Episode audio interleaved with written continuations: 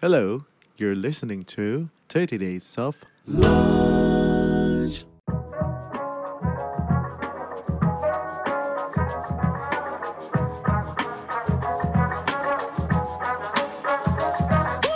kita kan kontribusi sekitar 3% dari seluruh produksi pangan di dunia ya. Untuk feeding Indonesia-nya sendiri sih bisa dikatakan harusnya potensinya ada. Tidak semata-mata jumlah petani yang menurut saya memang secara baseline memang harus di- dinaikkan, tapi uh, even dengan angka sekarang pun gimana cara kita meningkat produktivitasnya. Ngomongin mengenai situasi saat ini, nggak lepas dari pandemi dan sederet efek-efek yang ditimbulkan. Mulai dari kesehatan, pekerjaan, dan juga pendidikan untuk anak. Tantangannya banyak. Tantangan untuk para orang tua dalam menghadapi learn from home perlu dijawab dengan solusi yang inovatif. Salah satunya adalah Lenovo Aware. Fitur yang ditawarkan oleh Lenovo ini akan sangat ngebantu para orang tua dalam menghadapi tantangan learn from home. Fitur ini membantu dalam menjaga kondisi anak dalam belajar. Dalam hal gesture anak duduk, perhatian anak kepada layar laptop, dan jarak anak terhadap laptop. Ketika hal-hal tersebut tidak sesuai dengan yang seharusnya, misal jarak anak terhadap laptop terlalu dekat, maka akan ada sound notification yang berbunyi untuk mengingatkan hal tersebut. Lenovo Aware tersedia di Lenovo IdeaPad Slim 3. Produk ini ditawarkan Lenovo dengan harga yang cukup terjangkau dan sudah termasuk dengan Office Home Student 2019 yang dapat menjawab tantangan learn from home yang para orang tua hadapi. Untuk lebih detailnya, kalian bisa cek di Instagramnya at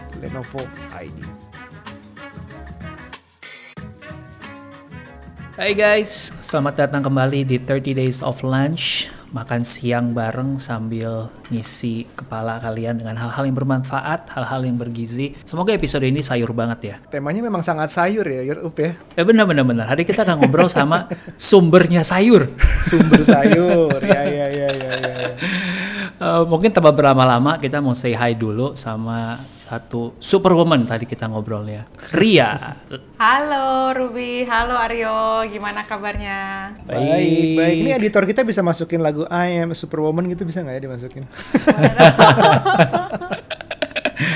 Eh, mungkin boleh kenalin dulu nama lengkapnya, kemudian sekarang eh, berkarya di mana, eh, Iya. a bit about yourself. Mhm.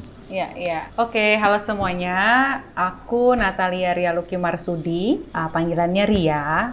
Sudah selama 10 tahun aku menekuni bidang management consulting, strategy and management consulting. Dan saat ini sedang berkarya untuk membangun Tani Hub Group, uh, terutama di tim Tani Fun. Jadi, uh, a little bit about me. Um, aku memang dari dulu lulus kuliah di UI gitu ya, di Depok. Uh, memang sudah bercita-cita banget sih gimana caranya aku bisa contribute back uh, buat uh, teman-teman kita yang masih berkekurangan, masih ada uh, isu di berbagai uh, area gitu ya. Dan akhirnya setelah 10 tahun lebih uh, di private company, I think this, uh, ini sudah waktunya lah aku terjun Hmm, hmm. ke uh, area yang bisa langsung ada dampak sosialnya dan itu aku percaya lewat Tani Hub Group dan Tani Fun. Memang dengan cara jualan sayur dan bantu orang nanam sayur, uh, cuman hopefully di, di cerita ini ya bareng sama Ruby sama Aryo kita bisa ceritain gimana caranya kenapa belanja sayur aja bisa bantuin petani gitu ya. Maybe that's for me. Nah itulah alasan kenapa episode kita hari ini akan sangat sayur karena dari sumbernya langsung ini. Siap, siap, siap. Menarik banget dan mungkin teman-teman sekarang nggak ngelihat ya karena nggak ada videonya. Tapi kita sambil ngerekam ini di belakangnya Ria tuh ada bendera merah putih loh. Gila ini luar biasa banget semangatnya buat Indonesia. Indonesia. Benar-benar. Karena sumber pertama nih yang ada benderanya nih. Bener-bener biasanya kalau orang ditanya kayak what keeps you up at night gitu kan ya apa biasanya Hmm. bikin kamu nggak bisa tidur malam-malam ini nih mikirin gimana nih kita bantuin petani-petani Indonesia bareng-bareng nih Wow itu itu hebat loh sampai what keeps you up at night itu sampai uh, segitu kepikirannya sama sampai ke pelosok-pelosok lah sekarang kalau kita lihat ya. Iya. Tapi emang sampai segitu mengganggunya ya atau segitu urgensinya sampai it keeps you up at night gitu. Eh, Situasi Iya, iya. sekarang gimana sih? Karena ya jujur kita di kota besar ya. Mungkin pemandangan gue juga sejauh kelapa gading doang gitu. Di mana di sini emang tidak ada sawah dan tidak ada tanaman, tidak ada petani. What, Iya, what's iya, happening iya. out there gitu. Justru triggernya itu uh, waktu itu karena uh, memang melihat ketimpangan itu sih uh, Ruby. Jadi ketika Ruby mention mungkin sekitar kita cuman uh, Kelapa Gading, uh, dulu ya mungkin sebelum PPKM kita ke mall, kita makan di Senopati gitu kan ya. Sejujurnya aja ya, aku sempat ngeliat kayak wah makanan kayak gini bisa 300-400 ribu gitu kan ya. Kayak misalnya Hmm, uh, ayam pakai apa ya buncis dikit gitu ya. Terus habis itu kayak dikit kol Fine dining. Hmm. Iya fine dining gitu ya, secepet-cepet kita bisa kayak mahal banget gitu. Ya. Cuman ketika kita runtutin, emangnya yang mem- membawa makanan itu ke tempat meja kita ini, mereka emang dapet 300 ribu, 300 ribunya gitu kan ya. Hmm. Emang setiap orang di, uh, apa namanya, di um, value chain itu di step-step di uh, rantai makanan ini memang dapet kan, memang Ya. porsi masing-masing berdasarkan nilai tambah yang diberikan gitu. Ya. Cuman ketika kita runutin sampai ujung, kok ternyata yang didapetin petani ya cuman tetap 6.000 per kilo, 5.000 per kilo gitu kan sayurnya. Jadi ke mana gitu nilai 300 ribunya tuh hilangnya ke mana gitu. Kalau kita ngomongin uh, profit uh, keuntungan restoran juga mungkin ya nggak segitunya juga gitu kan. Jadi Ya. seperti itulah yang pertama kali membuat saya berpikir uh, ke mana sih nilai dari pertanian ini hilangnya itu ada di mana gitu. Ketika kita runutin gitu ya sama teman-teman emang yang di uh, yang yang di Tani Hub Group banyak yang hilang itu uh, atau kita katakan dengan namanya food loss gitu ya. Itu adalah di perjalanannya gitu kan. Di mana uh, memang untuk dari suatu produksi panen sayur gitu ya satu ikat dari halaman rumahnya atau ujung ladangnya petani itu untuk nyampe ke piring kita itu bisa sampai 6 sampai 8 kali pindah tangan. Uh, 6 sampai 8 kali pindah tangan, nilainya itu bisa 6 kali 10 kali lebih mahal, itu pun baru sampai supermarket gitu ya, belum sampai ke uh, restoran. Jadi um, ketika diternak, ya itu karena dia pertama emang harus bayar akses uh, logistiknya jauh, ya kan? Ya. Tapi yang kedua itu ternyata karena memang banyak pihak-pihak yang melihat adanya missing gap ini di tengah ini uh, mencari keuntungan yang bisa dikatakan terlalu tinggi dan tidak membagikannya kembali kepada petani gitu. Jadi bisa dikatakan, mm, bisa dikatakan banyak sekali uh, stakeholder atau pelaku-pelaku pertanian yang sebenarnya bisa coba kita gandeng bareng-bareng gimana sih caranya kita mengembalikan nilai yang kita konsumsi tadi ya bisa dikembalikan kepada petani se- sebisa mungkin gitu. Itulah yang teman-teman di Tani Hub Group coba bikin gitu ya dengan um, misinya agriculture for everyone gitu. Jadi memang ha, mengembal gimana caranya kita mengembalikan nilai pertanian tersebut kepada semua pelaku yang ada di uh, rantai makanan kita. Gitu sih mungkin Ruby, Aryo. Ini menarik ya soalnya petaninya tadi nggak dapat banyak eh, dalam value chain tadi. Di saat yang bersamaan kita kan juga mulai mendengar eh, berbagai macam isu-isu soal ketahanan pangan gitu ya. Bahwa eh, prediksinya planet ini nggak akan bisa memberi makan 10 miliar orang di tahun Iya, 2050 iya. gitu. Iya, iya. Em, tapi justru mereka yang mendapat bagian yang paling kecil, padahal mereka kasih kita makan gitu. So ya kelihatan kan paradoksnya apa kontradiksinya seperti apa gitu. Eh pertanyaan gue jadinya di Indonesia bukannya kita udah pernah ya swasembada pangan gitu. Sampai ada waktu itu di koin perak jadul gitu ya ada logonya dan tulisan swasembada pangan gitu. Iya, iya, iya, iya. Iya. Ya bisa dikatakan itu memang tergantung uh, kebijakan dan situasi dari setiap masa pemerintahan lah ya. Pertama perlu dikata perlu perlu diketahui kan kalau misalnya pertanian itu memang salah satu sektor yang paling diregulasi gitu ya. Gimana Ya, caranya ya. kita dapetin input atau bibit atau pupuk gitu kan semuanya uh, di, masih dikontrol oleh pemerintah gitu. Jadi terkadang kebijakan pemerintah itu berperan sangat penting untuk menentukan seberapa suburnya atau seberapa tingginya tingkat produksi kita. Itu baru satu. Lalu variabel kedua yang juga very high um, uncontrolled gitu ya, yang sangat sulit dikontrol itu juga tentang cuaca gitu kan. Jadi mungkin uh, I'm sure kalau aku yakin Aryo sama Ruby kan juga tahu lah ya belakangan ini kan Global uh, isu global warming, climate change is very very uh, hard gitu. Jadi uh, mau sharing aja. Kemarin kami sempat visit uh, petani tomat kami yang di Pengalengan, petani tomat sama petani melon gitu ya. Um, ketika kita tanya uh, gimana satu tahun belakangan ini uh, apa masalah-masalah yang dihadapi? Gitu. Salah satunya bilang iya mbak Ria apa tahun lalu itu atau bukan tahun lalu sorry aku nanyanya bulan dua bulan lalu dia bilang Januari yang kemarin ini baru pertama kalinya ada angin barat yang datang kenceng banget dan itu bawa pasir. Jadi yang tadinya angin uh, cuman angin biasa dia bawa pasir jadi panen-panenannya yang udah selesai, yang udah bagus jadi itu jadi bintik-bintik kena uh, semacam erosi pasirnya gitu. Hmm. Jadi kualitasnya mereka yang udah kayaknya wah ini harusnya grade A nih bisa bisa, bisa berapa ribu per Turun. kilo itu langsung turun semuanya Hmm. gitu. Ini uh, something yang mereka nggak uh, nggak bisa expect gitu, predik gitu nggak nggak bisa diprediksi. Dan mereka lebih parahnya juga nggak tahu mesti gimana gitu, karena they have never done this before gitu. Jadi belum pernah kejadian. Jadi uh, bisa dikatakan uh, faktor cuaca perubahan iklim ini juga semakin mempersulit uh, posisi gimana caranya kita bisa lebih percaya diri, kita bisa swasembada lagi nih gitu. Uh, jadi menurut aku terlalu banyak kont- uh, variabel-variabelnya uh, sehingga mungkin dulu kita pernah bisa jadi besok bisa gitu, which is Yeah. great gitu ya. Yeah, Kalau yeah, bisa yeah. bisa that's great. Uh, cuma sayangnya terlalu banyak variabel yang mungkin uh, sulit dikontrol gitu sih. Uh, termasuk jadi- termasuk variabel demand-nya ya pertumbuhan penduduk kan juga makin banyak Benar. orang berarti makin banyak perut yang harus diisi mau itu dari daging sampai sayur tuh semua tuh makin banyak request lah demand gitu. Benar, Uh, benar, tapi kalau kalau kita ngomongin worst come to worst-nya, what's the worst possible scenario? Apakah benar yang 2000 kalau itu kan worldwide ya data yang kita dapat 2050 kemungkinan tidak bisa ngasih makan 10 miliar orang. Kalau Indonesia tuh apakah gimana? Apakah lebih tahan atau bukan lebih duluan atau ada data nggak tentang Indonesia seperti apa? Bisa dikatakan mungkin secara data itu bisa dikatakan masih scattered ya, masih masih terpisah-pisah, terpencar-pencar dan mungkin uh, dari kami sendiri belum uh, percaya diri untuk mengatakan oke kita udah pasti lebih maju nih daripada yang lain gitu ya. Tapi kalau ngomongin tentang potensi gitu ya, uh, potensi itu definitely dengan negara yang memang kita agraris, negara yang potensi uh, bisa dikatakan uh, kita kan kontribusi sekitar 3% dari seluruh uh, produksi pangan di dunia ya. Bisa dikatakan Oke, untuk 3%. me- 3% untuk feeding Indonesianya sendiri sih bisa dikatakan harusnya potensinya ada. Itu gimana pintar-pintarnya kita mem- mengolah uh, mengeluarkan potensi-potensi tersebut baik tadi ya uh, berdasarkan uh, apa yang menjadi kebijakan dan juga yang menjadi berdasarkan um, penggiat-penggiat pertaniannya sendiri gitu. Tadi kan Aryo bilang demand-nya ada gitu kan. Kadang-kadang fluktuasi.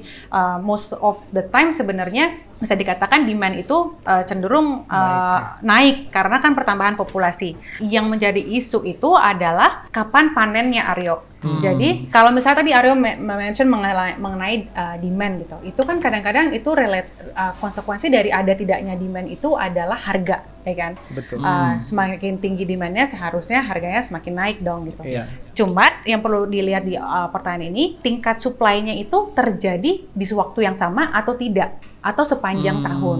I Ketika misalnya demand-nya nih ya, misalnya demand-nya uh, say 30 ton beras gitu ya sepanjang tahun. Tapi ternyata Indonesia tuh punya 50 ton di Januari, tapi sepanjang tahunnya 15 ton gitu.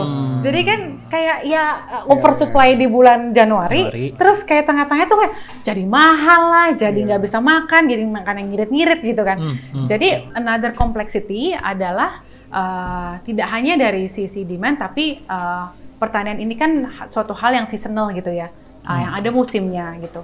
Gimana caranya? uh, dan ini merupakan salah satu yang juga Tani Hub Group coba untuk uh, masuk gitu ya.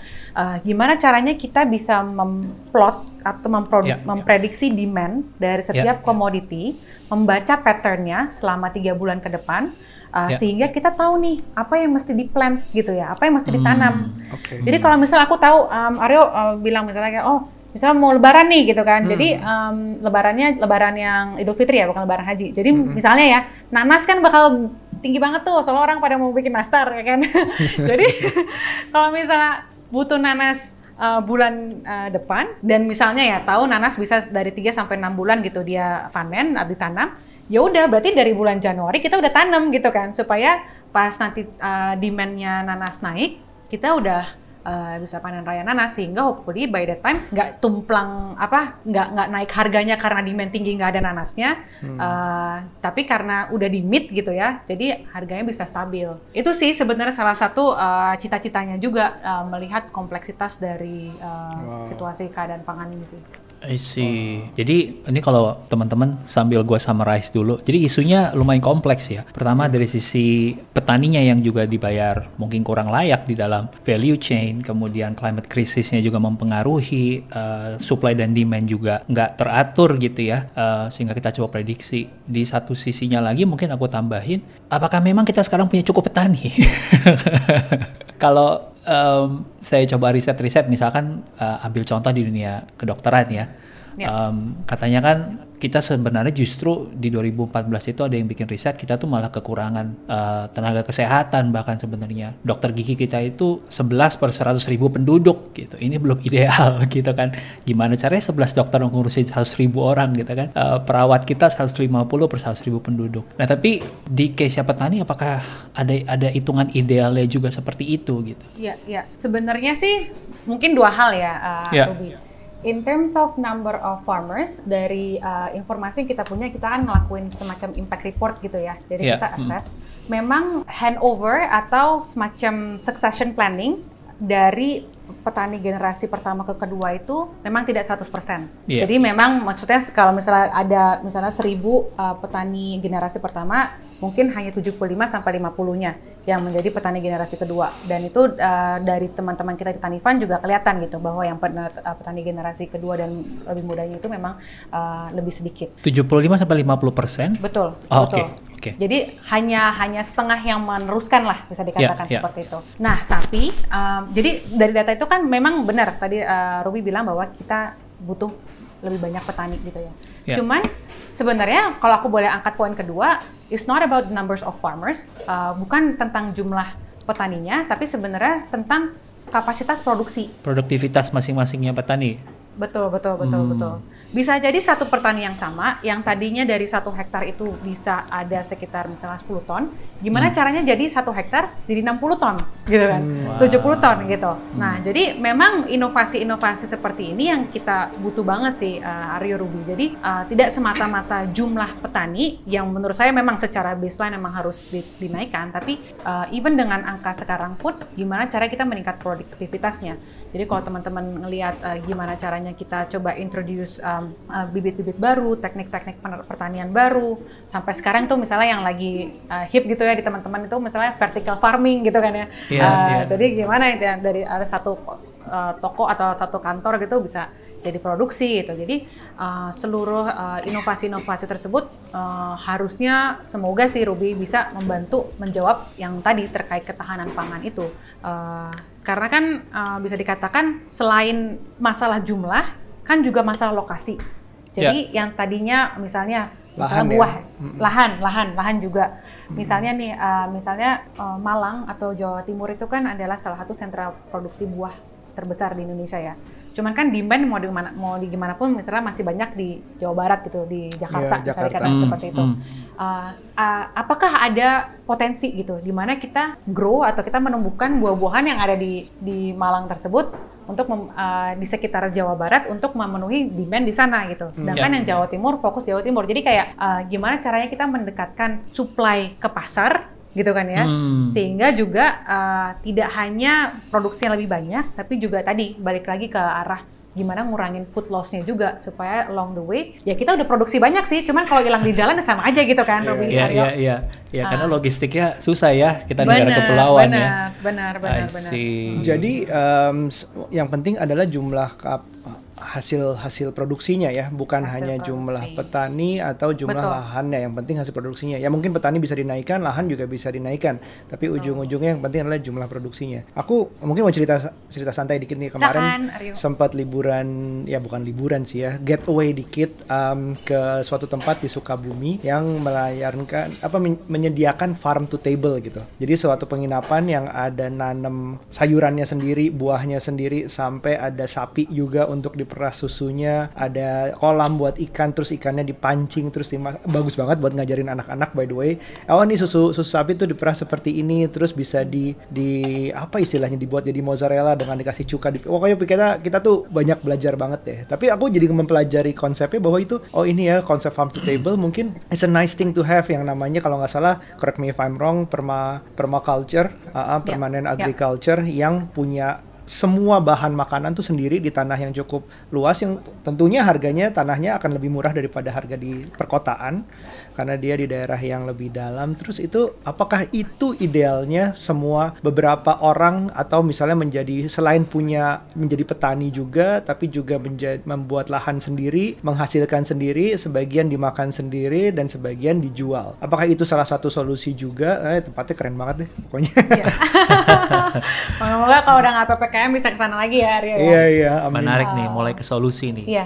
Kalau misalnya em, dikatakan idealnya secara sustainability discussion gitu ya, topik sustainability memang itu ideal gitu ya. Di mana eh, kelompok-kelompok penduduk itu bisa resilient gitu. Eh, ini kita yang perlu kita perhatikan adalah unit apa yang kita bicarakan. Apakah itu di unit keluarga, jadi semua orang harus bercocok tanam sendiri gitu kan ya, atau em, apa namanya, apakah itu eh, kecamatan atau kota Iya, gitu ya, betul. memenuhi sendiri, atau kalau misalnya yang saya eh, pahami ya dari dari em, histori kita bernegara, sebenarnya itu adalah unit negara yang diciptakan sekarang gitu. Uh, so jadi memang dulu itu uh, kenapa misalnya sekarang kok banyak misalnya buahnya di Jawa Timur gitu. Itu karena memang sentra-sentra produksinya disentralisasi gitu kan ya bisa dikatakan seperti itu. Jadi um, sayangnya sih aku belum bisa nemuin jawaban yang yang exact gitu ya yang menurut aku paling bener nih kayak gini. Jadi uh, karena eh, sekali lagi ada semacam economy of scale. Kenapa suatu kegiatan produksi itu kan dijadikan satu gitu. Ya, Jadi kalau menurut aku, ha, kalau ide permaculture itu bisa dikatakan untuk basic needs uh, dari unit yang misalnya kumpulan keluarga atau satu kota gitu, itu mungkin menarik gitu ya, selama itu tidak uh, masih ada nilai ekonominya. Tapi ketika misalnya jadinya setiap rumah harus ada sapi satu gitu kan ya, padahal bapaknya itu nggak tahu cara atau ibunya nggak tahu cara take care of the sapi gitu kan sapinya mati gitu. Jadi itu juga kenapa konsep-konsep sentra itu kan juga ada gitu. Iya. Jadi sebenarnya kedua konsep tersebut uh, punya positif negatifnya. Pertanyaannya gimana caranya kalau tadi kita uh, lakukan permaculture di tingkat unit yang kecil itu gimana caranya masih ekonomis uh, dan juga jadi masih ada nilainya uh, uh, bagi keluarga tersebut sambil melakukan fungsi ekonomi lainnya di keluarga tersebut ataupun kalau sifatnya tadi masih ditarik ke sentra itu gimana caranya make sure tidak lost tadi kan ya. Iya. Berarti at least punya itulah ya hidroponik tanaman-tanaman sayur yang bisa dimakan sendiri. Atau Iya, punya pohon cabe di belakang kita Bener. mau. Iya, bagus iya, iya. bagus Ariel. Itu kayaknya lebih make sense sih, karena sayur-sayuran sendiri kan juga usia shelf life-nya kan juga pendek ya. Betul. Tadi kita bicara soal logistik yang jadi isu, mungkin juga ke depannya petani kita nggak perlu lagi tuh nanamin bayam kangkung yang cepat rusak. Kita tanam sendiri hidroponik, dia nanamnya yang lebih punya added value kali ya. Hmm. Iya iya iya. Gua Bisa- kalau iya gua tertarik banget sama ini kalau ngelihat nih ya jalan-jalan ke Jepang gitu ya. Itu kok bisa ya ada satu melon dihargai 500 ribu satu biji melon gitu.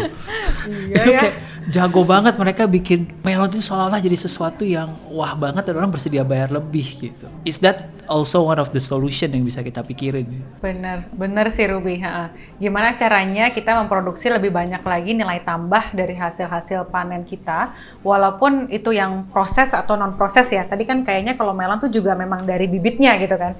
Dari bibitnya memang yang sudah premium gitu, sehingga kalau misalnya nanti di um, uh, selesai panen itu nggak ada apa-apain aja udah 500 ribu misalnya nilainya gitu ya. Uh, tapi juga processing juga gitu. Jadi uh, processing ini bisa as simple as uh, tadinya apa namanya um, um, produknya itu jadi kita uh, cleaning gitu. Misalnya tadi kentang gitu ya. Kalau misalnya kita beli dari petani itu kan bisa dikatakan grade-nya tuh namanya abras gitu. Uh, itu di mana kayak kualitinya masih campur aduk gitu. Terus belum belum bersih gitu ya. Uh, kadang-kadang step pertama kan pertama kita bersihin dulu gitu clean. Itu aja tuh udah naik satu step itu naik sedikit nilainya gitu. Terus udah selesai dibersihin gitu ya. Habis itu kayak di di grading as simple as grading itu juga udah meningkatkan nilai produk sebenarnya gitu. Baru ntar kalau misalnya ngomongnya tentang processing gitu, gimana cara kita apakah kita bikin peeling gitu, dikulitin, apakah di chop, apakah di um, di uh, ya misalnya sudah di prepare mau jadi potato wedges misalnya seperti itu ya. itu ya. semakin semakin naik lagi. Jadi bener banget sih Ruby pertanyaannya gimana kita bisa uh, buat uh, nilai added value dari processing dan non processing ini ke petani kita sih. Buat uh, Tani Hub sendiri. I mean one of the reasons juga kita hari ini ngobrol sama Ria juga kan karena kita ngerasa Tani Hub dengan segala misinya pasti punya dampak yang bisa dibawa kan. Um, apa yang yang Tani Hub sudah lakukan sejauh ini dan masih planning to do uh, for the next few years gitu ke depannya. Iya, mm. iya, iya. Mungkin sekalian meringkas tadi seluruh kompleksitas yang ada mm. di uh, pertanian ini ya. Kita nggak uh, percaya bahwa kita nggak bisa mengcover semuanya. Jadi Tani Hub Group itu fokus untuk melakukan uh, tiga hal atau fokus kepada tiga uh, permasalahan. Yang pertama itu adalah akses uh, pendanaan kepada petani-petani hmm. ini. Uh, tadi kan kalau aku cerita ya salah satu isunya selain logistiknya gitu ya, tapi kan akses pendanaan juga gitu, di mana uh, memang banyak um, apa opsi-opsi pendanaan uh, yang ada, cuman susah diaksesnya, either dokumennya mungkin tidak lengkap buat petani-petani kita gitu ya, hmm. atau mungkin jadi yang yang secara jalur formal itu mereka uh, underserved lah bisa dikatakan seperti itu. Uh, tapi yang sektor-sektor informal sifatnya tuh terlalu mencekik gitu. Yeah. Jadi hmm. kadang-kadang harganya barangnya dimurahin banget gitu kan ya, hmm. uh, dan dia kegulung uh, utang di uh, penanaman berikutnya, gulung lagi, gulung lagi gitu. Jadi uh, itu satu problem yang kita coba try to solve. Uh, yang kedua itu adalah problem logistik uh, dan yang ketiga adalah problem akses kepada pasar. Itulah lahirnya Tani Hub Group uh, untuk permasalahan pertama. Uh, kita punya satu bisnis unit yang dinamakan dengan Tani Fund, uh, yaitu peer-to-peer lending platform yang berusaha untuk menggalang dana daripada pendana retail seperti Aryo, Ruby, myself hmm. gitu ya, saya hmm. sendiri itu yang yang yang tertarik untuk memberikan pendanaan kepada kelompok-kelompok tani yang melakukan budidaya maupun pelaku-pelaku pertanian di bagian downstream juga gitu ya, usaha food and beverage dan usaha pertanian lainnya. Siapa yang tertarik untuk mendanai proyek-proyek seperti itu bisa kita coba kumpulkan, kita cari proyek-proyek yang sepertinya worthy gitu ya, yang uh, orangnya bagus, yang kayaknya uh, apa namanya bisa kembali uang pendanaannya gitu. Uh, itu kita coba pelajari lalu kita matchingin gitu. Jadi nanti uh, Aryo sama Ruby kalau misalnya tertarik, oh ini ada nih budidaya terong gitu ya. Uh, hmm ternyata oh, dilihat kelompok taninya sudah lima tahun melakukan hal ini kayaknya aman gitu kan karena kan uh, anyway Aryo sama Ruby meminjamkan dana gitu ya hmm. uh, jadi itu kita coba matchingin dengan harapan bahwa persyaratan-persyaratan dokumentasi kepada petani-petani ini jauh lebih mudah gitu hmm. uh, as simple as KTP, NPWP Eh, dokumen-dokumen uh, bersifat basic gitu ya, uh, itu sudah bisa mengadakan uh, pendanaan uh, dibantu dengan uh, credit scoring teknologi yang coba kita bangun gitu ya. Jadi khusus untuk pertanian dan uh, downstream dari agriculture F&B ini kita coba benar-benar cari data-data uh, yang untuk membantu credit scoring. Uh, itu yang pertama dengan Tani Fund. Uh, yang kedua untuk logistik kita punya Tani Supply. Uh, jadi kita uh, ada di enam kota di across Jawa dan Bali, uh, di mana kita uh, apa namanya menjadi tempat kita tadi uh, apa yang sudah kita beli dari petani uh, sebelum kita apa antarkan langsung ke pembeli kita. Kadang-kadang kan butuh ada yang uh, tunggu inventory lah ya, bisa ada yang tunggu uh, pengiriman atau segala macam itu kita uh, diamkan di dalam uh, warehouse dulu untuk ditransport. Nah yang terakhir kita punya namanya Tani Hub uh, dan moga-moga ini teman-teman udah yang mungkin sering lebih sering lihat lah ya yang hmm. ada di market sana itu kan kalau misalnya teman-teman tadi mau belanja sayur hmm. itu langsung dari petani-petani baik petani-petani petani yang kita danai gitu ya kadang kadang-kadang aku suka di tele telegram grup gitu kan ya satu grup sama teman-teman yang emang uh, langsung beli dari lapangan ngelihat oh cabenya bagus-bagus gitu ya yang yeah, yeah. ada di grup foto-foto beneran gitu kan besok yeah. terus tiba-tiba muncul di apa Tani Hub app-nya aku kayak wah ini yang kemarin kita bantu ini kayak wah senang banget gitu ngeliatnya wah cabenya gitu kan jadi uh, senang banget jadi Tani Hub itulah yang jadi uh, platform kita buat uh, membantu uh, customer atau pelanggan personal seperti kita keluarga ini atau bisnis seperti yang punya restoran yang punya uh, hotel uh, warung itu yang mau belanja juga langsung dari kita uh, kita coba bantu lewat Tani Hub. Hmm Tani Fund, Tani Supply, dan Tani Hub ya. Tadi kalau um, Tani Fund ini kan um, jadi jadi uh, correct me if I'm wrong, jadi kita bisa meminjamkan ke mereka dengan tentunya membantu mereka menghasilkan um, dan juga tapi pertanyaanku adalah ini kan harus tetap sustain ya, harus tetap sustainable juga. Jadi maksudnya uh, bagaimana menjamin aku mungkin skeptis misalnya, Ya. misalnya aku Ya. skeptis bahwa Ya. uh, banyak juga petani yang nggak dapat izin uh, nggak dapat pinjaman dari bank misalnya adalah karena mereka nggak bankable kredit skornya mungkin Betul. uh, di bawah rata-rata gitu di bawah keperluan. Nah, bagaimana tani tani fund ini memper- menghitungnya secara berbeda dan akhirnya oh ini worth to invest atau dipinjamkan uh, Ya, lalu pinjamkan. bisa memberikan interest gitu. Ya, iya, iya. Mungkin uh, aku mau menekankan sekali lagi ya, Ya. bahwa kan kalau Tanifan itu kan platform pendanaan P2P dan sebagai platform yang memang terdaftar di OJK, uh, perlu kita tetap informasikan gitu ya kepada semua lender atau pendana-pendana kita bahwa setiap pendanaan itu tetap ada resiko. Resiko pasti. Gitu ya. Ha-ha. Jadi itu sih yang tetap kita ingatkan karena sekali lagi sesuai dengan aturan uh, OJK, uh, platform itu kan tidak bisa menanggung Betul. gagal gitu ya. Jadi uh, itu sih yang terus coba kita ingatkan uh, sembari kita mengangkat misinya gitu. Nah dengan situasi seperti itu bukan berarti kita nggak uh, nggak asal aja sih Aryo kayak oh nih uh, ada nih yang mau butuh duit siapa yang gitu. Uh, saya juga mau gitu kan kalau kasih kasih duit gitu saya juga mau. Uh, jadi uh, mungkin beberapa hal gitu. Yang pertama terkait um, peningkatan uh, literasi finansial dari petaninya sendiri. Yang kedua baru tentang credit scoring dan uh, mitigasi resiko ya. Nah, untuk yang pertama tentang peningkatan financial literasi dari petani-petani sendiri. Jadi terkadang itu sebenarnya bisa dikatakan kelompok-kelompok tani yang kita kerja bareng ini baru pertama kali memikirkan budgeting itu seperti apa gitu. Jadi Hmm. biasanya mereka cuman oke saya emang ada lahan segini beli aja, ah, ah, paling kira-kira saya dapat segini gitu. Tapi dapat segininya itu nutup modal atau enggak tuh kadang-kadang nggak ada yang ngitung gitu. Jadi, ah, ah, which is completely fine gitu karena memang mereka fokusnya kan bercocok tanam gitu ya. Jadi Iya, kalau misalnya udah ngomongin hitungan gitu, memang perlu kadang-kadang memang perlu bantuan gitu. Jadi waktu saya visit sama sih um, Aryo waktu itu di Sukabumi dan Pengalengan juga itu ada cerita gitu. Iya nih pertama kali kita diajarin misi yang namanya RAB gitu. Apa itu RAB Wih, gitu? keren. Bahkan mereka mereka yang ng- ngajarin saya gitu waktu saya join gitu. Apa itu RAB pak? Gitu. oh itu rancangan anggaran belanja mbak. Oh gitu. Apa maksudnya gitu? Jadi saya hitung nih untuk uh, nanam satu uh, tomat di satu lahan ini bibitnya berapa pupuknya berapa. Kalau saya harus apa uh, merekrut uh, pekerja harian itu habisnya Hmm. berapa. Nah nanti kira-kira harga jual yang saya estimasikan ini biasanya dapat uh, info sih. Uh, kebetulan kalau Tanifan itu kan kita punya field officer uh, yang tujuan backgroundnya tuh agronomis, jadi memang backgroundnya uh, kebanyakan agriculture, yang tujuannya itu melakukan sosialisasi dan penyuluhan terhadap penyusunan RAB ini.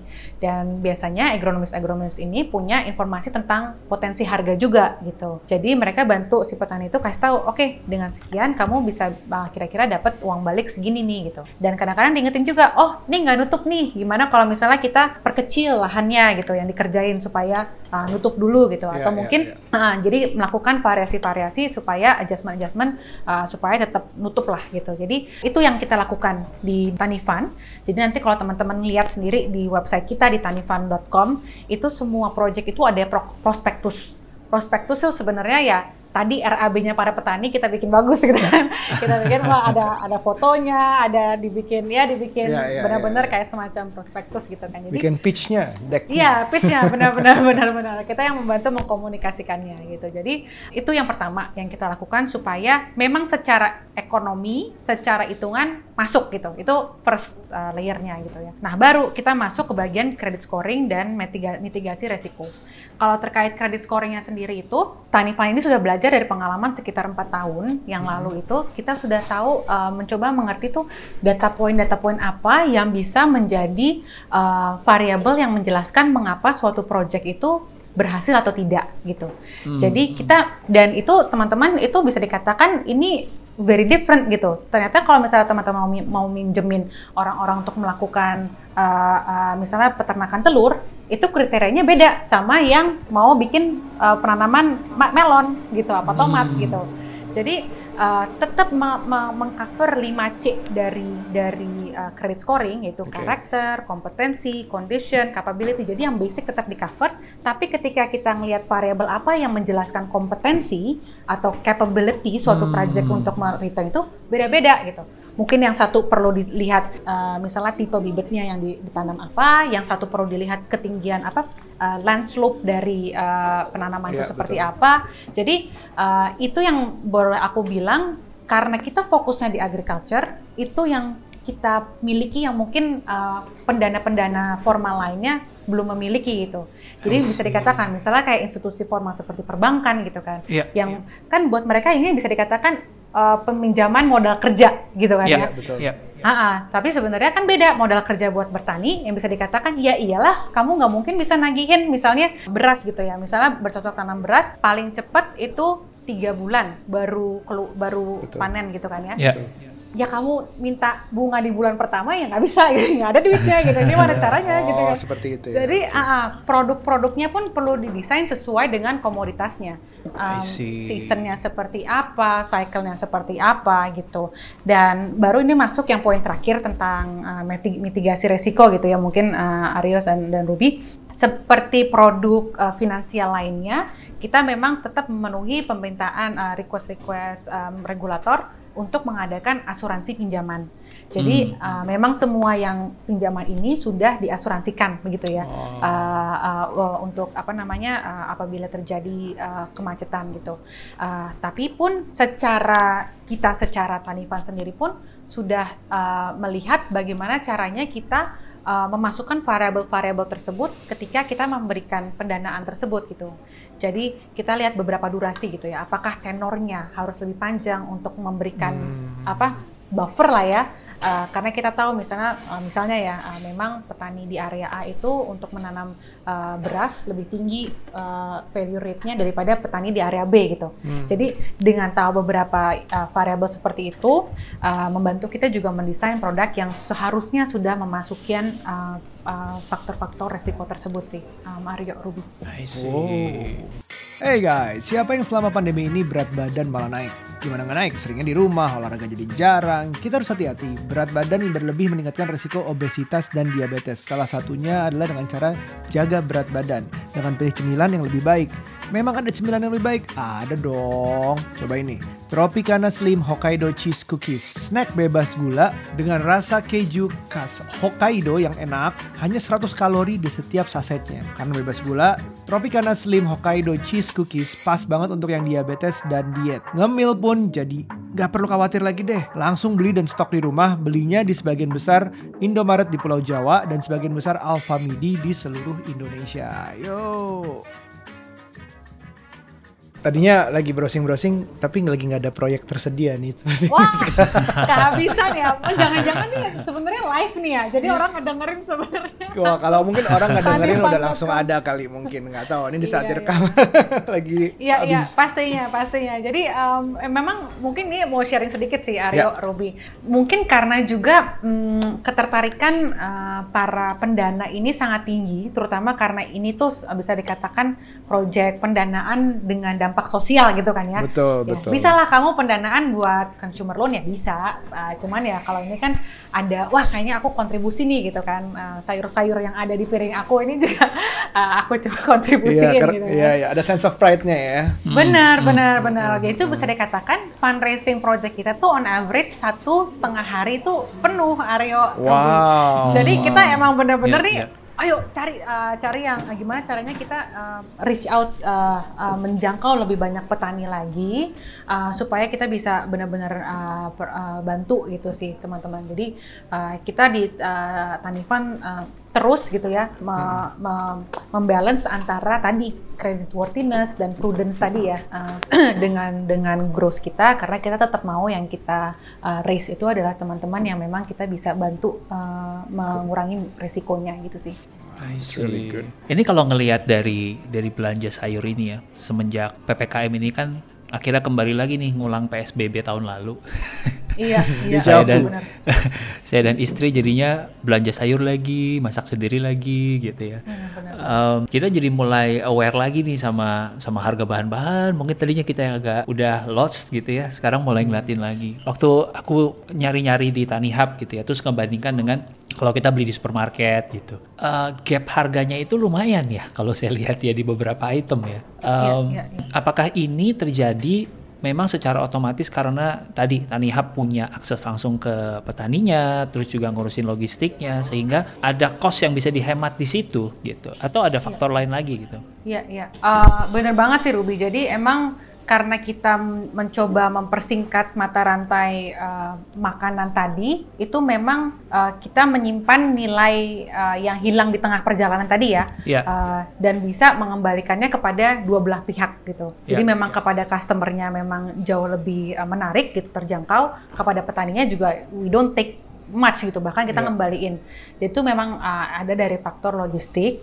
Uh, tapi yang kedua juga sebenarnya juga dari faktor um, kita berusaha tadi sih uh, terkait dengan um, kapabilitas kita untuk memforecast demand tadi I jadi see. dengan tahu kira-kira itu kan tadi kan kembali lagi salah satu isu fluktuasi harga karena kita tidak ada uh, pengetahuan uh, kapan barang akan high demand Iya. atau high supply Hmm. and how much gitu. Jadi although memang ki- aku nggak bisa bilang ya dengan adanya prediksi ini kita men- mau menstabilitaskan seluruh harga pangan ya nggak juga gitu.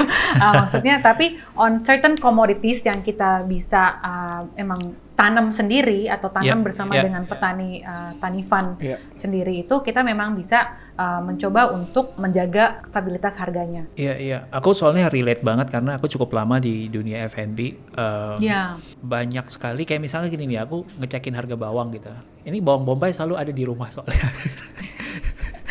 Karena kita doyan banget makan apa pun Iya, pakai iya. bawang bombay gitu ya. Eh. Pagi-pagi gitu ya bikin toast gitu ya telurnya kasih bawang bombay. Wah menarik gitu kan caramelize wangi. Eh, Iya, ini iya. per kilonya bisa beda 4000 gitu. Bayangkan kalau teman-teman kita yang di dunia F&B yang setiap harinya mungkin bukan konsumsi sekilo ya. Dia mungkin punya bisnis yang setiap harinya mungkin bisa puluhan kilo gitu. Itu efeknya akan cukup gede buat dia dari sisi mengurangi cost kan berarti buat dia juga menambah margin ya untuk jualan Iya, dia kan. betul, betul. Jadi sebenarnya kalau kita gabungkan semua nih, tiga solusi yang ditawarkan sama Tani Group gitu ya. Mulai dari membuat harga lebih stabil, memberikan porsi lebih banyak buat petani, sekaligus buat kita yang beli bahannya pun dapat harga yang lebih affordable. Value chain tadi jadinya maksimal banget ya.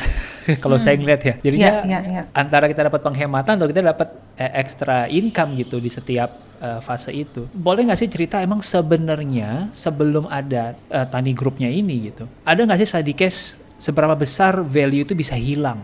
Misalkan ambil contoh satu bahan makanan gitu misalnya. Dan dan middleman mana sih yang sebenarnya paling apa ya ibaratnya paling ambil bagian paling banyak dan bikin ini jadi berantakan gitu sisi harga. Hmm. Kalau eh, mungkin satu hal ya Ruby eh, yang pengen aku juga sampaikan di sini eh, dengan situasi em, rantai pasok makan kita yang masih sangat fragmented gitu ya, sangat tersebar di mana-mana, boleh dikatakan sebenarnya memang masih ada value gitu dari eh, adanya intermediaries ini gitu ya.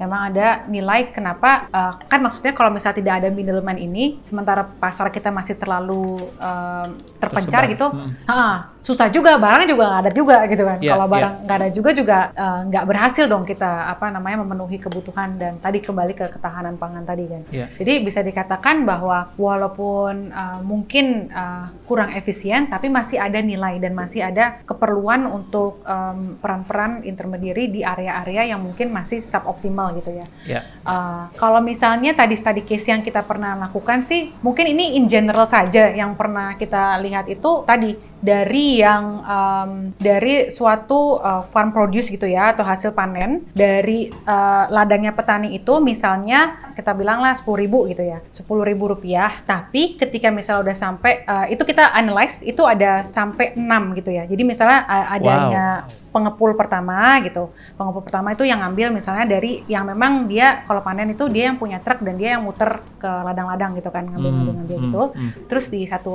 uh, level gitu dari satu level ini dia ke yang kedua gitu, yang punya akses kepada pasarnya gitu kan, yang Ya. punya akses pada pasarnya.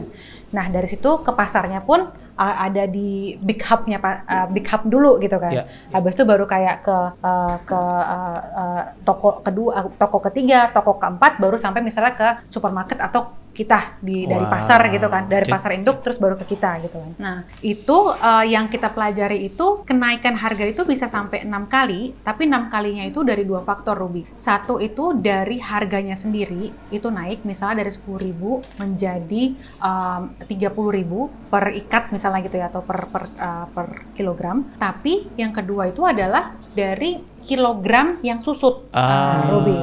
oke. Jadi, Bayarnya 30.000, cuman kamu dapatnya setengah kilo gitu. Jadi karena urusan Jadi- logistik tadi ya, atau ada yang busuk Bener. atau yang rusak gitu ya. benar benar Iya, benar. Jadi totalnya ya enam kali karena ya itu barangnya jadi tambah rusak di perjalanan, ini tambah susut gitu kan, kan Iya. berhari-hari di perjalanan. Udah udah, udah tapi eh, udah kualitasnya menurun lagi dikit harganya tambah mahal ya. Jadi ya, ya itu sih. I see. Itu cukup menjelaskan kenapa saya sering sekali itu ngalamin beli bawang putih sampai rumah bawang putihnya kering. Iya. Pasti bukan. Kok ini bawang putih kagak ada basa-basanya, nggak ada wanginya ya. Benar, Ini emang benar sih. selama benar. itu jalurnya. Heeh. Wow. Nanti kalau misalnya eh, kalau misalnya kita cukup akrab dan kita WhatsAppan gitu, aku kirimin deh. gitu. Gambarnya tuh seger banget gitu. Wah itu bikin ngiler pasti tuh ya, apalagi yang Iya, doyan kayak masak. Kalau aja gitu ya kita bisa langsung dapet gitu kan. Jadi kualitas pun sebagai customer juga terjaga. One big question yang dari tadi aku pengen nanya sih sebenarnya eh, Ria. Ria datang dari pengalaman 10 tahun di eh, management consulting gitu. Kita sebut aja lah ya nggak apa-apa ya. BCG gitu ya. Karena menurutku ini sesuatu yang bergengsi dan banyak teman-teman yang dengerin ini usia 20-an juga mungkin punya punya punya apa ya, punya mimpi yang sama untuk masuk ke sana. Tapi eh, Ria ngambil satu giant leap untuk pindah ke startup mungkin secara apa ya secara perusahaan pun bentuk kerjaannya berbeda gitu ya. Dan fokusnya lebih ke dampak. I sense there is a sacrifice there when you make that leap. Bener gak sih? Atau asumsi gua doang Susah ya jawabnya. Em, kalau menurut aku sih mungkin em, tergantung dari sisi apa sih. Jadi kalau misalnya kalau aku boleh cerita sedikit ya, large corporation and I mean um, I stay uh, aku di BCG sama 10 tahun because uh, I love the company. you know. It's a great place to be. Uh, benar-benar kita di- didik gitu ya caranya problem solving, kita di nurture gitu. Dari aku benar-benar masih fresh grad gitu kan ya sampai apa sampai uh, ya bisa menjadi seorang project manager di sana gitu. Dan apa namanya bisa dikatakan the best thing about the company is juga uh, tadi um, culture yang sangat menurture dan uh, membuat mementor kita lah sehingga kita menjadi orang yang jauh lebih baik lagi menurut aku um, in terms of um, career uh, dan security bisa dikatakan dan kejelasan career progression itu dan stability lah ya bisa Yeah, dikatakan yeah. BCG has been around since the 1980s gitu kan. Hopefully they will be around for much longer more gitu. Jadi uh, itu memang ada dan aku temukan di situ gitu. Cuman yang aku rasa adalah uh, saat itu adalah saya merasa saya berutang budinya banyak banget gitu. Saya ngerasa saya kayak banyak banget yang sudah saya pelajari, uh, banyak banget cara-cara membangun bisnis yang saya pelajari gitu ya. Gimana sih? Kenapa sih satu company itu bisa masuk Fortune uh, 500 yang lainnya bisa tutup buku gitu kan ya? Yeah, yeah. Gimana sih caranya? uh, gimana caranya uh, apa namanya uh, tipe-tipe kepemimpinan atau leadership and organizational um, apa namanya manajemen yang baik supaya potensi suatu company itu jauh lebih 10 100 kali lipat gitu. Jadi banyak sekali yang saya pelajari dan saya pikir kalau misalnya saya simpan sendiri gitu ya atau hanya membantu uh, sektor yang terbatas itu sangat sayang gitu. Hmm. Jadi uh, itulah menjadi trigger saya pikir ya udah maybe um, uh, apa namanya this level of security itu memang baik tapi secara impact saya rasa saya bisa 10 kali lipat lebih besar juga kalau misalnya saya bantu beberapa company yang uh, memang memang ada di bidang yang memberikan langsung operational uh, direct impact itu. Jadi bisa dikatakan itu sih um, I wouldn't say it's a sacrifice, it's definitely more like a, a choice gitu, it's a trade off. Yeah, yeah, itu yeah, le- lebih kepilihan aja uh, bahwa saya melepaskan uh, stabilitas dan security itu untuk something yang menurut saya uh, adventure-nya masih belum tertulis gitu. Jadi ke mana Tani Hub-nya itu akan berkembang itu kan belum tertulis ya gitu. Maksudnya sebagai startup you don't know. You can grow like five times like 50 Yeah, times bigger yeah, gitu. yeah. or you can close shop tomorrow gitu kan. So, uh, dan basically being the person yang mencoba untuk menyalurkan semua pembelajaran itu kepada sektor yang saya sukai gitu ya menurut saya it's definitely the choice that I want to make now gitu jadi um, itu sih I get more in terms of um, direct impact dan memang menyalurkan passion saya dan uh, saya rasa saya rasa semua orang at one point ketika mereka memiliki kesempatan tersebut juga uh, akan mencoba sih untuk mengeksplor uh, begitu Ruby. Menarik ya. So, um, I'm sure you learn a lot sih di PCG. Kalau enggak, um, kayaknya nggak tahan 10 tahun juga ya. Jarang loh orang punya dedikasi 10 tahun di zaman sekarang ya. benar, benar, benar, benar. Ya, salah satu yang bantu sih karena aku boleh uh, menggedekan atau men- uh, membina project giving back tadi, project pro bono kepada social enterprise. I see. Jadi saya rasa itu salah satu alasan kenapa I stay that long karena uh, secara passion masih tersalurkan.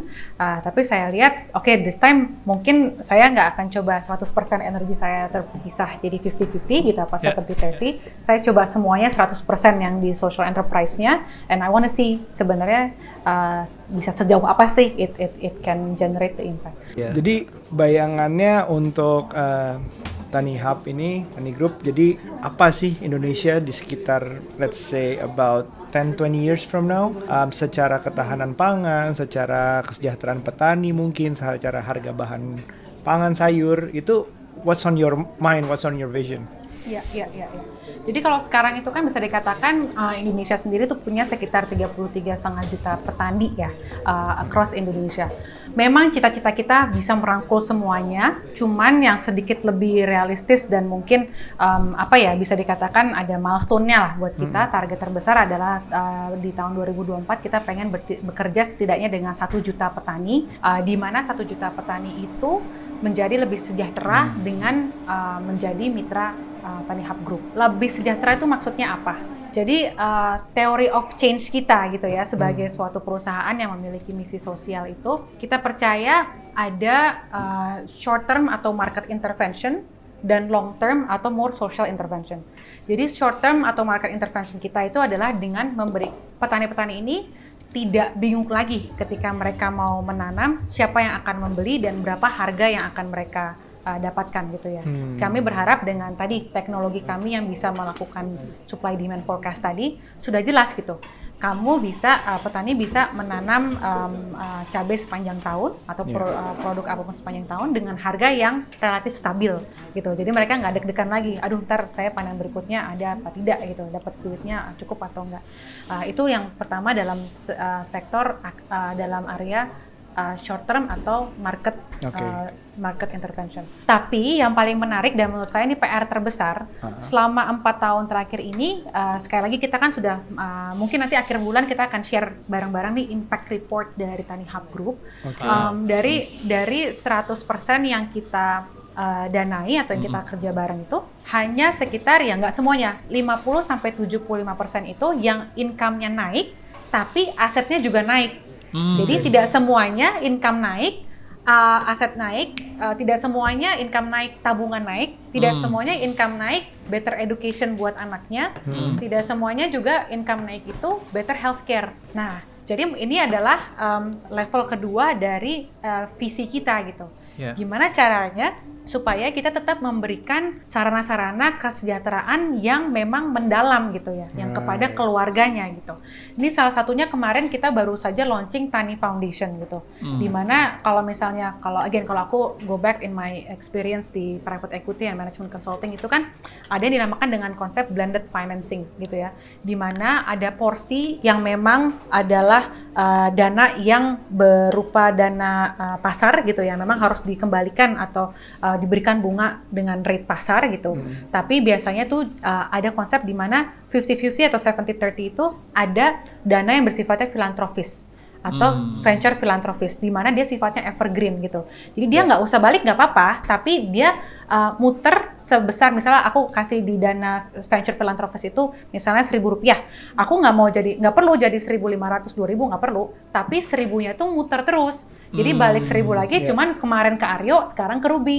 Ah, besoknya ke Diandra gitu. Jadi kayak uh, makin lebih banyak yang di reach out. Jadi uh, return dalam konsep blended financing itu uh, adalah a mix between market return tapi juga impact return-nya gitu. Jadi uh, kita coba untuk mengkonsepkan hal tersebut melalui Tani Foundation ini sih, di mana kita uh, uh, dan maksud saya semua tipe pendanaan itu ada pro kontranya dan ada rules-nya gitu kan ya. Kalau misalnya teman-teman lihat kan memang banyak foundation-foundation yang memang fokusnya memang ke area yang tidak bisa di-solve oleh pasar gitu kan ya. Iya, Uh, iya. Dan ada gitu fungsi mereka kayak misalnya uh, ya Bill, Belinda and uh, Bill and Melinda Gates Foundation dan semuanya yang benar-benar kayak menggelontorkan uh, dana untuk pe- pe- pembukaan misalnya um, MCK gitu ya itu yang nggak ada returnnya juga buat mereka gitu. Jadi uh, buat kami cita-cita itu sudah mulai kami titis dari sekarang gitu. Oke. Marrying between uh, market as well as the social um, uh, driver supaya tadi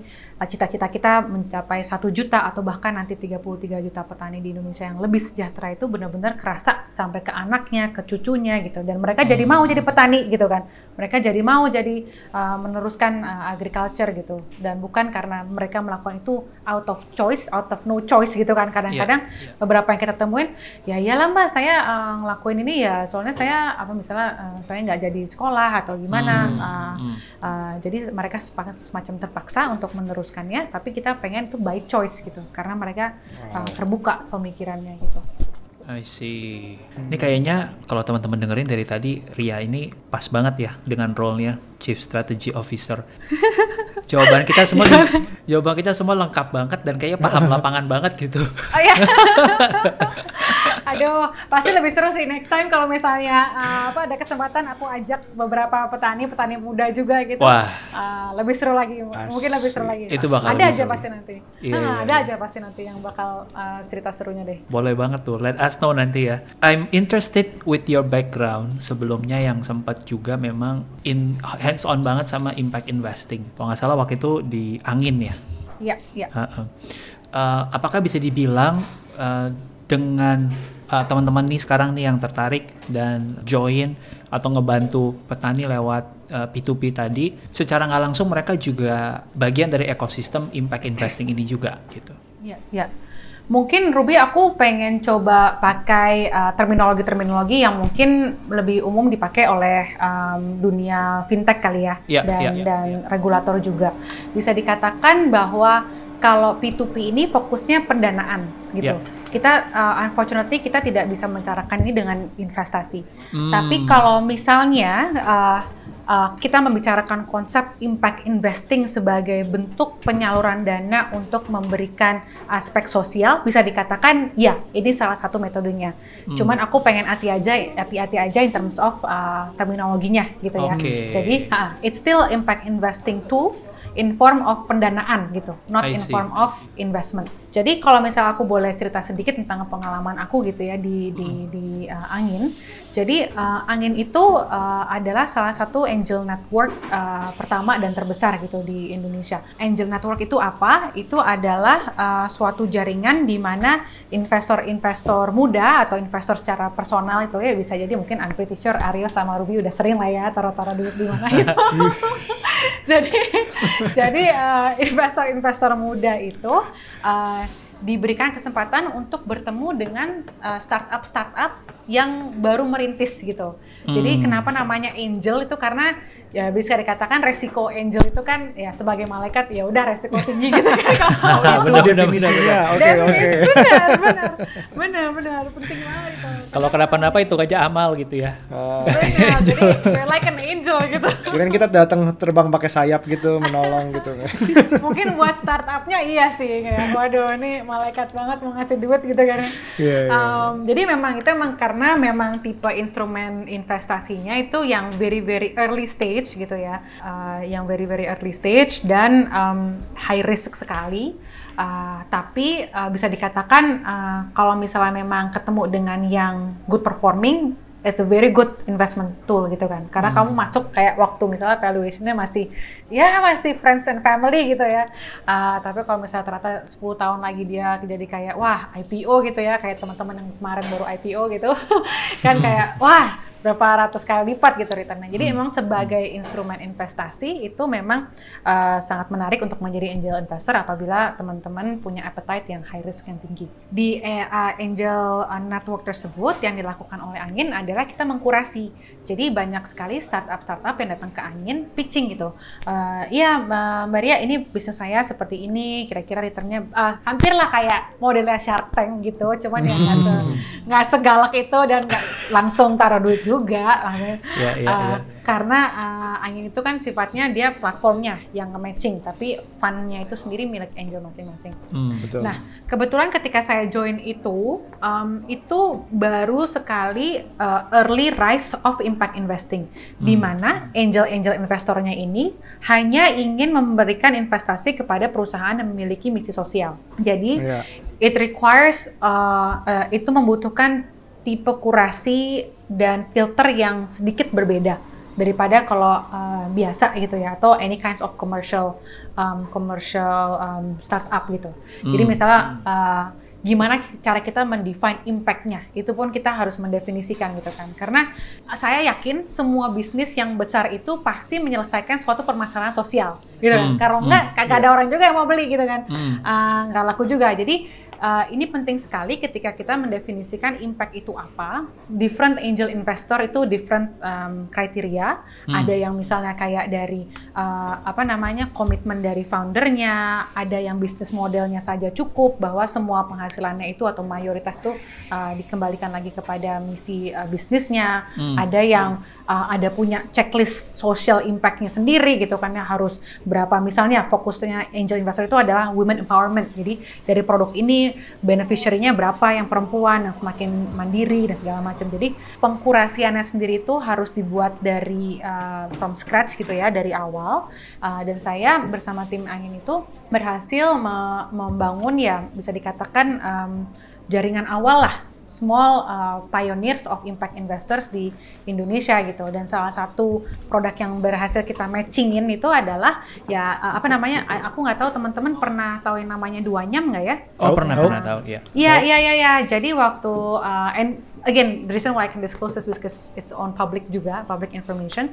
Jadi salah satu angel investornya dari teman-teman dua nyam itu dan uh, itu uh, kita matchingin dari angel investor yang ada di angin sendiri gitu. Jadi hmm. bisa dikatakan itu awal mulanya sehingga uh, saya melihat sebenarnya uh, interest dari investor untuk melihat pendanaan atau investasi di bidang sosial ini di misi sosial ini is very fast growing gitu. Hmm. Jadi uh, itu sebabnya saat saya setelah selesai angin itu kan saya sempat uh, yeah. coba lah kerja beberapa di bagian investing gitu. Nah itulah yang menurut saya membuka saya mata macam-macam produk uh, investasi yang bisa menyalurkan misi dan return tadi. Jadi tadi yang kayak aku cerita tentang blended financing, um, itu uh, evergreen fund itu salah satu uh, tipe-tipe uh, produk-produknya gitu. Waktu itu it was still too early. Jadi di Indonesia itu baru sedikit lah ya dikatakan gitu. Jadi uh, dan definisinya juga masih saling mencari sehingga pada saat itu aku memutuskan oke okay, uh, aku akan kembali ke BCG dan mencoba untuk melihat um, apa namanya uh, menggedein social enterprise social enterprise-nya lagi nih supaya hmm. jadi lebih ready gitu kan. Hmm. Nah, jadi pada saat itulah uh, aku pikir kayak oke okay, setelah aku uh, selesai dari angin angin dan uh, apa lihat lagi di BCG sepertinya isunya itu is not in the number of money. Jadi sebenarnya banyak banget investor seperti tadi aku ceritakan di Tanifan itu hanya satu setengah hari habis gitu karena fundernya itu excited, banyak. very hmm. banyak, very enthusiastic gitu. Jadi yeah. gimana? Menurut aku PR besarnya adalah bagaimana kita itu mempersiapkan semakin banyak project so, uh, uh, social enterprise tadi, project yang misi sosial tadi supaya bisa uh, menyalurkan niat-niat baik dari uh, investor atau pendana-pendana yang bermisi sosial tadi sih Ruby. So that's why I'm, uh, I choose to be an operator right now to to see how how it's done. I see, interesting ya. Um, jadi buat teman-teman yang ngedengerin sekarang, kalau tertarik sama Tanifan, terus mereka pengen juga uh, terlibat dalam P2P ini, bagaimana mereka mulainya nih? Jadi, Apakah harus uh, antri seminggu sebelumnya karena cepet habis nih kayaknya nih. Bener nih. Waduh. Pasang notification ini, terus. Ah, ah, kode kode keras ya, tenang aja nih. Kita pastikan pas launching ada ada project yang banyak ya. Jadi uh, sebenarnya Bener, as simple as nanti ke website kita aja, www.tanifan.com. Uh, kita memang sudah mulai membuka yang tadi Ruby bilang, yang Hmm. kayak um, tampung dana dulu atau kayak notify me lah gitu. Jadi Yeah, kayak semacam feature-feature itu sudah ada karena kita sangat sering um, cepat tutup atau cepat penuh dananya, sembari kita sambil memperbanyak um, portfolio kita lagi. Uh, tapi as simple as buat teman-teman yang baru mau pertama kali coba, uh, masih belum familiar atau ini pertama kali teman-teman ikut uh, P2P gitu ya, melakukan pendanaan melalui platform P2P, uh, itu mudah banget setelah bikin akun di website kita, uh, teman-teman bisa klik projectnya yang available untuk mempelajari ini project budidayanya seperti apa gitu kan ya, Hmm. kira-kira bunganya itu berapa. Dan teman-teman nanti punya semua informasi yang teman-teman bisa uh, gunakan sebagai judgement sendiri juga gitu. Hmm. ini kelompok tani sudah berapa lama gitu dia uh, ada di area area mana? Sekali lagi kan karena segala bentuk pendanaan masih ada resiko gitu ya Ya. jadi uh, itu teman-teman uh, sebisa mungkin kita bantu untuk memberikan informasi yang teman-teman perlukan untuk membuat keputusan nanti setelah selesai oh aku uh, yakin nih gitu atau mau coba nih uh, untuk melakukan pendanaan itu bisa dari uh, uh, paling minimum itu sekitar 100 ribu 100 ribu saja uh, itu teman-teman sudah bisa melakukan pendanaan uh, di Tanifan. Uh, nanti kalau misalnya sudah suka dengan proyeknya, tinggal klik aja uh, saya ingin mendanai proyek ini. Nanti kita akan go through proses onboarding uh, seperti uh, P2P uh, biasa gitu, di mana kan ada syarat, ada sharing kayak uh, uh, detail syarat dan ketentuan, uh, uh, tanda tangan gitu kan ya, karena ini merupakan bentuk sekali lagi um, bentuk uh, kerjasama antara platform, pendana dan uh, yang didanai. Jadi semua secara uh, formal pun sudah kita rekap dan kita masukkan dokumentasinya di dalam platform. Nanti setelah selesai melakukan pendanaan, uh, as simple as seperti biasa, misalnya kayak pakai virtual account gitu ya, uh, untuk memasukkan pendanaan tersebut uh, ke wallet teman-teman yang ada di uh, platform untuk nanti akan dialirkan kepada project tersebut. Uh, nanti setelah pendanaan terselesaikan, teman-teman bisa memonitor uh, progres dari pendanaan teman-teman di uh, platform masing-masing. Iya, ini kalau saya lihat online nih total pinjaman tersalurkan sekitar 300 M uh, dengan rata-rata pengembalian sekitar 14% per annum ya. Berarti Iya, itu juga angka yang bisa menjadi patokannya teman-teman ya. Betul, betul, betul. Apakah Ya, seperti P2P lain juga ada semacam grade pinjamannya gitu? Ya, ya. Saat ini kita sedang uh, membangun uh, grade tersebut untuk dikomunikasikan kepada lender. Jadi uh, secara internal kita sudah ada dan mayoritas yang kita up pun yang sudah pas uh, good lah, good uh, uh, apa namanya good uh, risknya gitu. Secara resikonya itu grade-nya itu sudah dikatakan baik.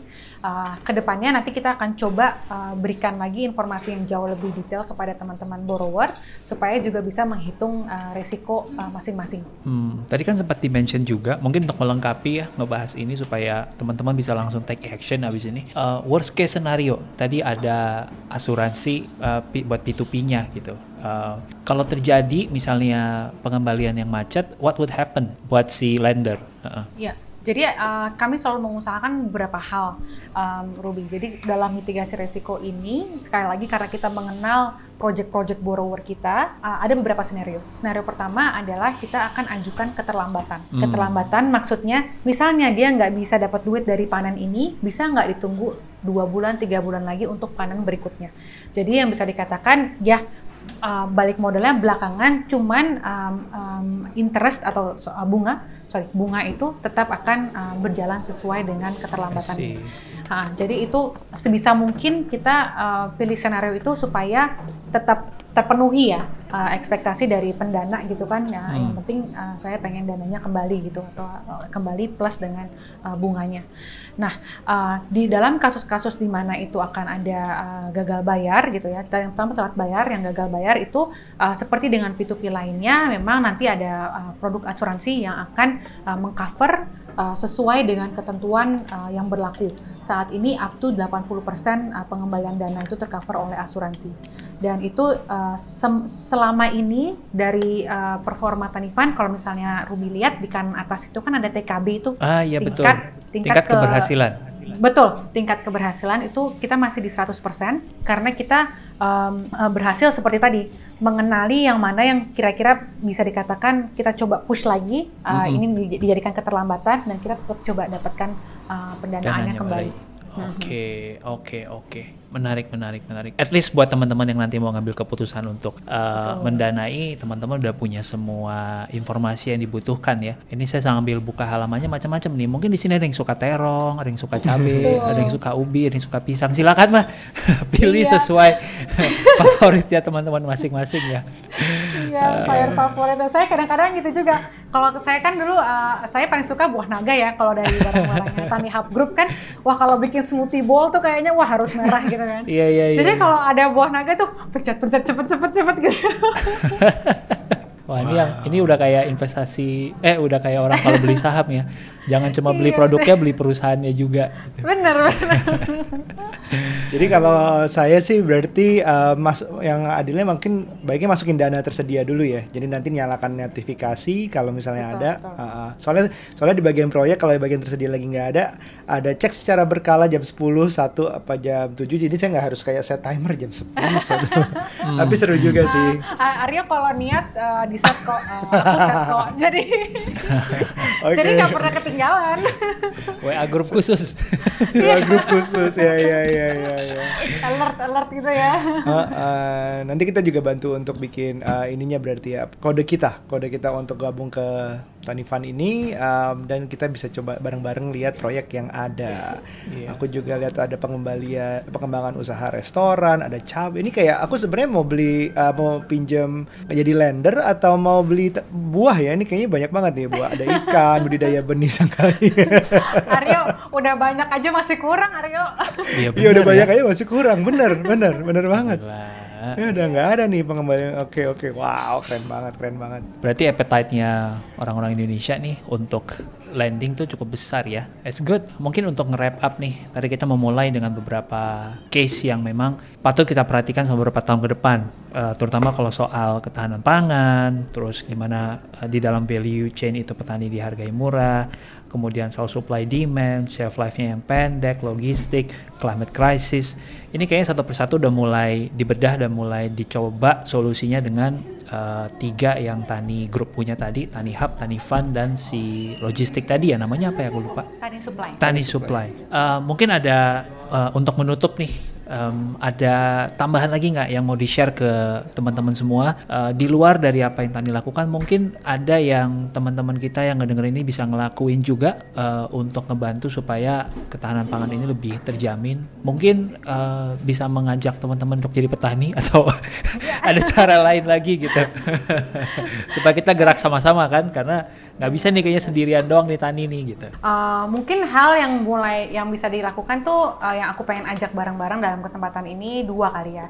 Uh, apa yang menjadi habit kita sebagai customer konsumen pangan Ya. dan apa yang bisa kita lakukan untuk mendukung pelaku pertaniannya. Kalau untuk sebagai customer penting banget buat teman-teman please please banget reduce food waste gitu ya. Hmm. Uh, only purchase atau hanya membeli hanya mengkonsumsi apa yang teman-teman uh, perlukan gitu.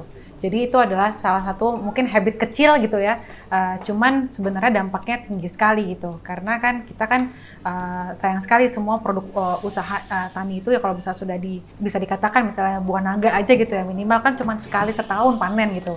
Cuman kalau pada akhirnya susah hasil kerja susah payah yang uh, sudah dilakukan seluruh pelaku petani eh, pertanian di Indonesia itu akhirnya menjadi uh, food waste gitu ya apakah karena terlalu berlebih atau apa sangat disayangkan saja jadi uh, increasing awareness in terms of um, uh, our conscious consumption gitu ya uh, jauh lebih sadar lagi jauh lebih responsible lagi itu merupakan uh, habit terkecil yang bisa kita mulai siapa pun gitu ya karena kan semua orang pasti makan gitu ya Iya betul. Uh, siapa pun uh, pasti bisa gitu. Jadi uh, uh, nggak peduli kamu punya dana atau tidak atau ini ini adalah salah satu bentuk kecil kita bisa menghargai um, hasil uh, usaha seluruh pelaku pertanian di Indonesia. Iya. Yang kedua yang Dari sisi terkait satunya.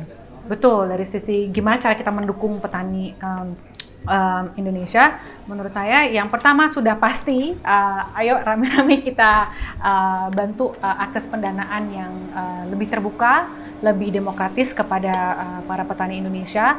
Uh, Cita-citanya adalah mempersiapkan mereka juga gitu kan ya dari kelompok tani yang tadinya tidak eligible untuk uh, produk-produk seperti kredit usaha rakyat yang memang dari pemerintah itu sudah jauh lebih terjangkau bagi teman-teman di lapangan. Uh, itu stepping stone-nya itu adalah dari investor, uh, dari pendana-pendana yang memiliki uh, misi sosial seperti kita gitu. Jadi semakin banyak yang kita bisa support itu semakin bisa uh, mengurangi ketergantungan dari teman-teman uh, uh, petani ini kepada uh, sektor-sektor informal pendanaan yang mungkin merugikan uh, atau tidak memberikan uh, hasil yang maksimal kepada para petani. Uh, lalu yang kedua Yes, uh, semua orang bisa menjadi petani sendiri. Uh, tadi kan uh, diskusinya Aryo, benar diskusinya Aryo sendiri uh, di uh, di uh, di backyard kita, di rumah kita masing-masing, uh, pasti ada yang bisa kita lakukan. Atau kalaupun uh, itu apa namanya bukan sesuatu yang kita ingin lakukan sendiri, uh, ayo kita dukung rame-rame uh, hasil petani lokal Indonesia. Uh, karena banyak sekali seperti saya uh, ceritakan tadi di awal, banyak sekali faktor-faktor yang tidak bisa dikontrol di pertanian ini. Bisa dikatakan dengan misalnya uh, akses kepada barang-barang impor, bisa dikatakan dengan uh, hasil produksi yang tidak stabil uh, dan segala permasalahan yang tadi uh, akan sangat membantu baik secara memotivasi teman-teman kita yang ada di lapangan uh, di sektor pertanian apabila teman-teman memilih untuk uh, belanja dari hasil-hasil petani lokal Indonesia. Itu sekian dari saya. Thank you banget ya Ria ya Thank you untuk banget. uh, waktunya mau berbagi sama kita hari ini dan juga buat teman-teman. Gua ngerasa hari ini kita dapat informasi lumayan banyak, belajar cukup banyak dan bu, gua tahu banget nih banyak teman-teman pendengar 3 Days of Lunch yang udah mulai bercocok tanam sendiri di rumah nih. Kalau ada di antara teman-teman kita pengen bantu ngeramein supaya orang juga makin aware bahwa ini sangat possible. Uh, bisa difoto taman kecil kalian ya, kebun kecil kalian nanti ngetek kita, ngetek Like. Karya juga mungkin kalau mau cari Boleh. karya nih bisa di mana nih di sosial media? Boleh, boleh. boleh di biasanya gimana sih di IG gitu ya? IG boleh IG. Oke, oke, bisa di @rialuki R I A L U C K Y. Uh, itu ada aku di sana dan beberapa mitra-mitra uh, petani Tanifan yang udah second generation pada main IG juga udah jadi friends aku juga. jadi uh, senang banget kalau we have more. Tapi yang paling penting mungkin Ruby kalau Ya. misalnya ada teman-teman yang be- uh, akhirnya memilih untuk membesarkan uh, pertanian rumahan mereka. Kalau butuh pendanaan, jangan lupa hubungi Tanifan juga ya, biar kita bisa sama-sama uh, bantu juga teman-teman di sini. Mantep. Semoga IG kita rame dengan foto sayur buah dan kawan-kawan ya beberapa hari ke depan. Pastinya segar-segar nih, amin. Thank you juga. Aku cuman mau bilang kalau untuk teman-teman yang memang sudah punya kebun di rumah dan mungkin puncaknya bisa bikin yang lebih besar lagi berhektar-hektar sampai jadi kayak yang gue nginep di Sukabumi itu bisa di-share ke tamunya sampai bisa di diekspor mungkin who knows karena kita cuma 3% pangan dunia ya bisa ya bisa jadi lebih ke depannya. Nah, tapi kalau yang enggak misalnya kayak gue juga yang kayak um, aduh tapi gue nggak ngerti caranya, aduh tapi gue nggak bisa. Yang segala macam itu um, dan nggak mau cari tahu atau nggak sempet cari tahu, ya udah kita berperannya lewat tanifannya ini gitu. Jadi setidaknya kita ada sedikit kontribusi untuk uh, membantu ketahanan pangan, membantu petani ini macam-macam banyak banget benefitnya di sini. Jadi paling itu dari pesan gue, gue sih kayaknya ambil jalan yang the later ya yang kedua ya jadinya jadi. Ya, gitu. Karena paham lah ada beberapa dari kita yang nggak ngerti caranya dan dan masih panjang perjalanan ke situ tapi mendukung gitu intinya Alright, um, teman-teman thank you banget yang udah dengerin. Um, thank you for listening to Today's Offline. Thank you for Ria. Jangan lupa uh, cari tahu tentang Tanifan, Tanihub. Dan mungkin kita sampai ketemu di episode berikutnya ya. See you Oke, at the next you. lunch. Tanifan adalah peer-to-peer lending berdampak sosial yang memberikan solusi akses permodalan bagi petani dan pengusaha UMKM lokal. Bagi kamu yang ingin turut mendukung para petani dan pengusaha UMKM lokal bersama Tanifan, segera daftar menjadi pendana dengan kode referral ARIO PR atau Alfa Romeo India Oscar Papa Romeo untuk mendapatkan voucher pendanaan sebesar 1 juta rupiah. Ayo mulai lakukan pendanaan berdampak sosial dari modal hanya 100 ribu rupiah saja dan dapatkan pengembalian bunga hingga 18% per annum. Yuk